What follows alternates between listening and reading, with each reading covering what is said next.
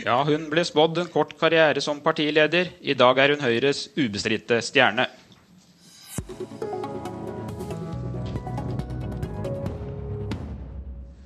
God morgen, Erna Solberg, og velkommen til Politisk kvarter, som i dag sendes direkte fra Høyres landsmøte på Gardermoen. I det første valget du hadde ansvaret for, i 2005, fikk dere bare 14% av stemmene. Og mange spådde at din karriere som partileder ville være over omtrent før den hadde begynt. I dag ligger Høyre an til å gjøre etterkrigstidens beste valg. Hvordan har du selv opplevd denne forandringen?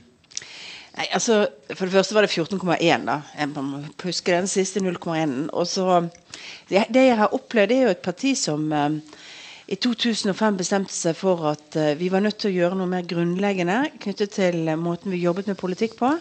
Og eh, gjøre tiltak for å gjøre partiet vårt eh, sterkere gjennom å bli bredere. Og det har vi jobbet systematisk med. Vi har systematisk jobbet med å se fremover på fremtidsløsningene. Vi har snakket om hvilke utfordringer vårt samfunn har, og så har vi systematisk gått igjennom område for område og tenkt både ny politikk, men også videreutvikling av gammel politikk. For så begynte vi med det at eh, alle må få en ny sjanse hvis du ramler ut av arbeidslivet. Det er ikke bare et spørsmål om trygdenes størrelse og alle disse tingene som ofte ble et politisk tema. Det er like viktig å spørre fungerer helsevesenet vårt godt nok, fungerer skolevesenet vårt godt nok, hva med voksne med lese- og skriveproblemer. Så vi har utviklet mye ny politikk, og det er jeg veldig glad for. Ja, Høyre kommer jo fra høsten til å få mange nye representanter på Stortinget. og En av dem er deg, Tone Wilhelmsen Trøen, bosatt her på Øvre Romerike og nominert for Akershus Høyre. Under Erna Solberg så har Høyre da gjort flere elendige valg. Hvorfor tror du at hun nå lykkes, til tross for alle de dystre spådommene som kom for bare få år siden? Han er vel ikke helt enig i premisset om at vi har gjort flere elendige valg. Men jeg tror det handler om, ja, men jeg tror det handler om en partileder som, eh, som leder et parti som snakker mye om egen politikk.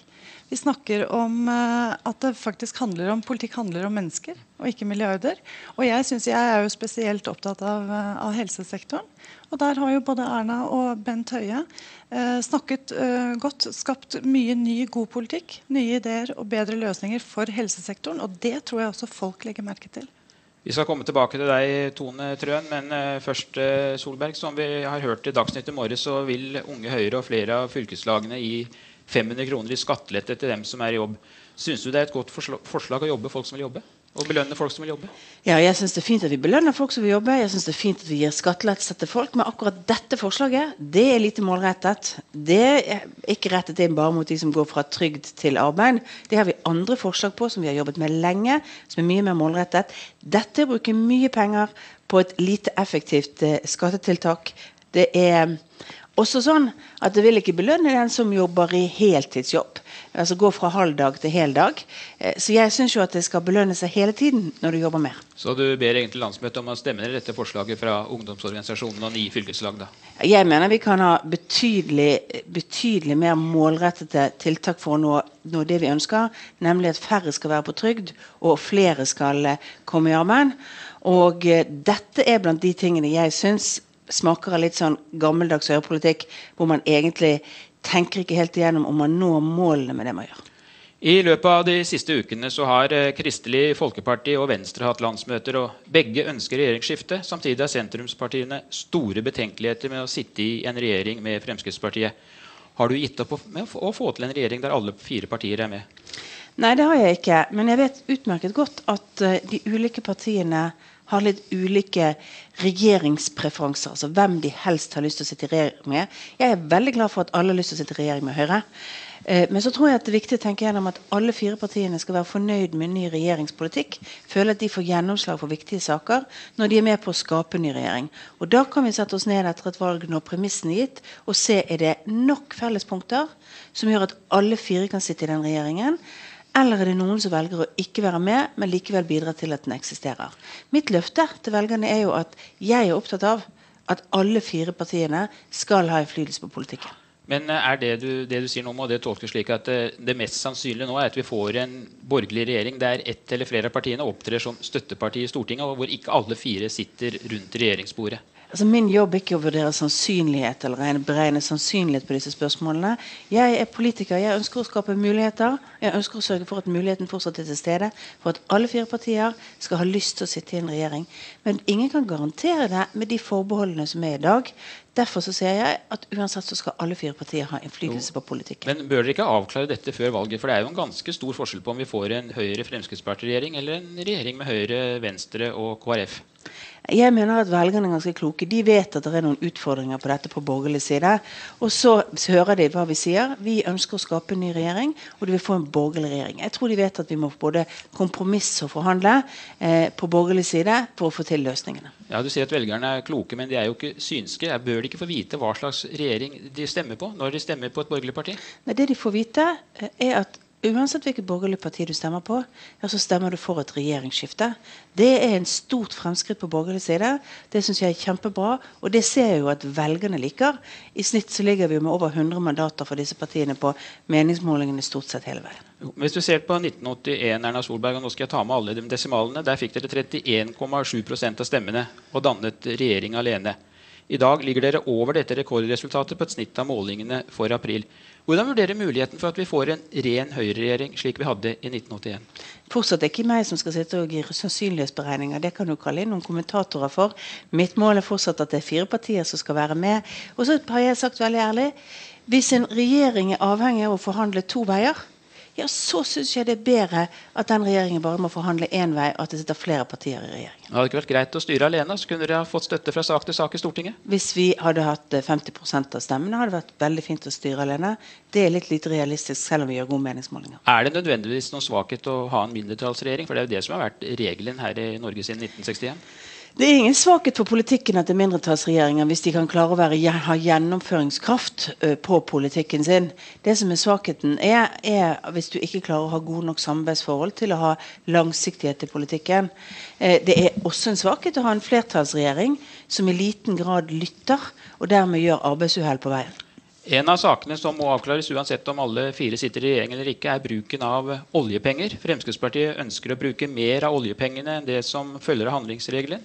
Står handlingsregelen for fall, eller er du en garantist for at en regjering under din ledelse skal følge handlingsregelen? Handlingsregelen står ikke for fall. Vi er opptatt av at vi skal føre en ansvarlig økonomisk politikk. Og handlingsregelen, begge deler av handlingsregelen er en, er en på en måte symbol på det i norsk politikk. Og Da er det både hvor mye penger du bruker, men også hva du bruker pengene til. Og Der mener jeg at denne regjeringen vi har nå, har brutt handlingsregelen hvert eneste år. Fordi de bruker ikke de ekstra pengene de tar inn i norsk økonomi, til å investere for fremtiden. Det var hele formålet, det når vi skulle fase inn mer av oljepengene i norsk økonomi, det var at vi skulle bygge vår innenlandske konkurransekraft. At norske bedrifter ikke skulle ta kostnaden ved at vi brukte mer av oljepenger, men tvert imot få gleden av at det ga de mer konkurransekraft.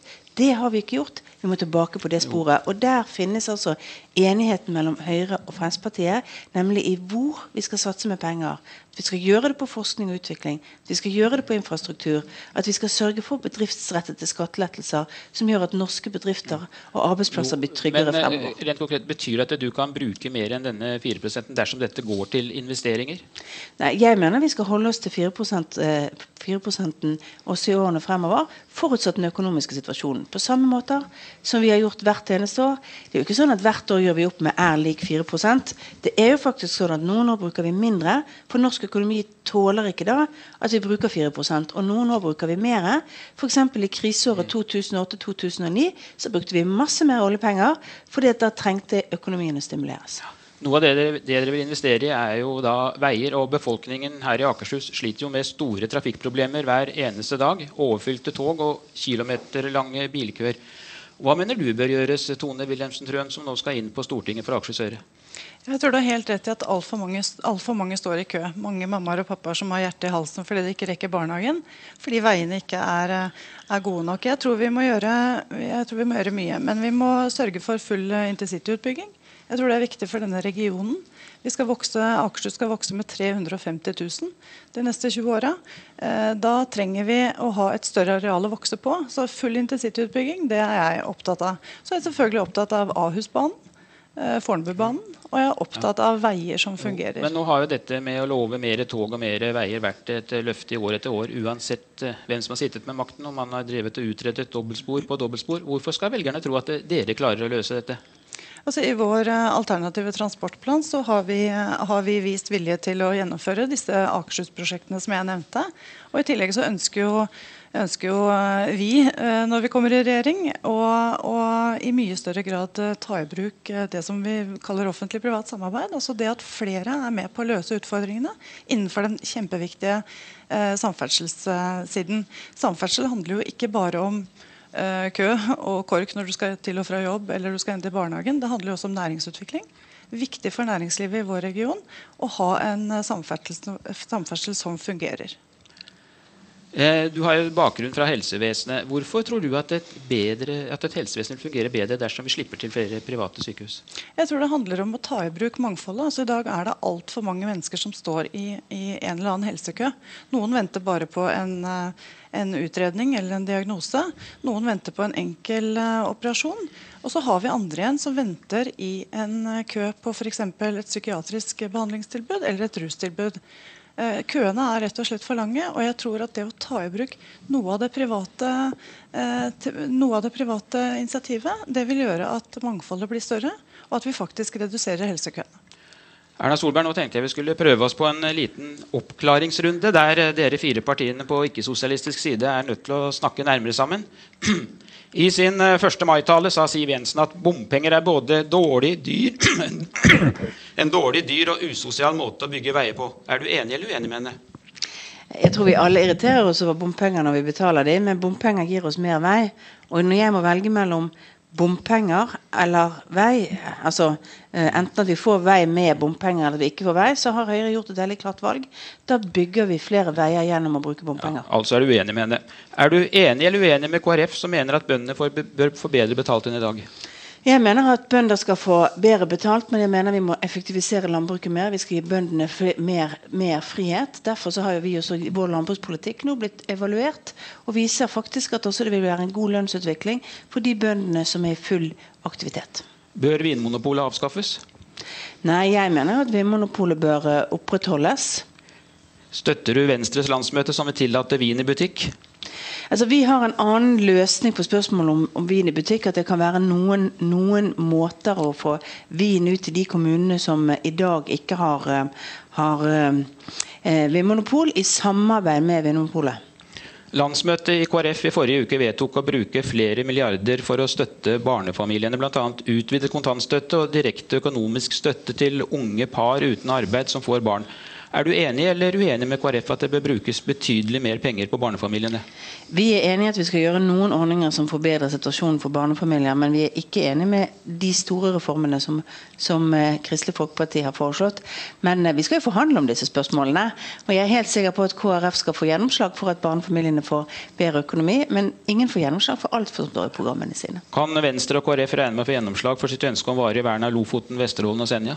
Det kommer vi til å slåss mot, for vi mener at vi skal sørge for en trygg, sikker og eh, en, eh, en olje- og gassutvinning som kan leve sammen med fiskerinæringen i Lofoten og Vesterålen.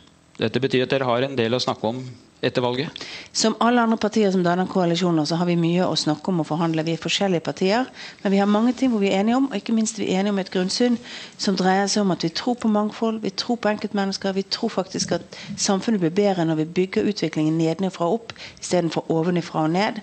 Det er ikke politikerne som skal detaljstyre utviklingen av familielivet eller annet i vårt samfunn, det er faktisk folk selv. I dag ligger dere på over 32% på et snitt av de siste målingene. Hva er ditt verste mareritt med tanke på at det fortsatt er fire måneder igjen til valget? Jeg har en grunn, ingen mareritt. Jeg vet at det står på én ting, og det er at hele Høyres organisasjon fortsatt slåss hardt på. Det blir sikkert noen opp- og noen nedturer på meningsmålinger fremover. Og, eh, vi ser jo at eh, når syv meningsmålinger går frem og én går ned, så er det alltid den som går ned som får mest oppmerksomhet. Sånne situasjoner har vi ligget høyt oppe lenge. Men jeg er ganske sikker på at ved 9.9, hvis alle i Høyre er dødstrøtte fordi de har jobbet hardt, ja, så har vi et godt valgresultat. Takk skal du ha, Erna Solberg, og takk også til deg, Tone Wilhelmsen Trøen. Og det var eh, Politisk kvarter, som i dag ble sendt fra Høyres landsmøte på Gardermoen. Jeg heter Per Arne Bjerke.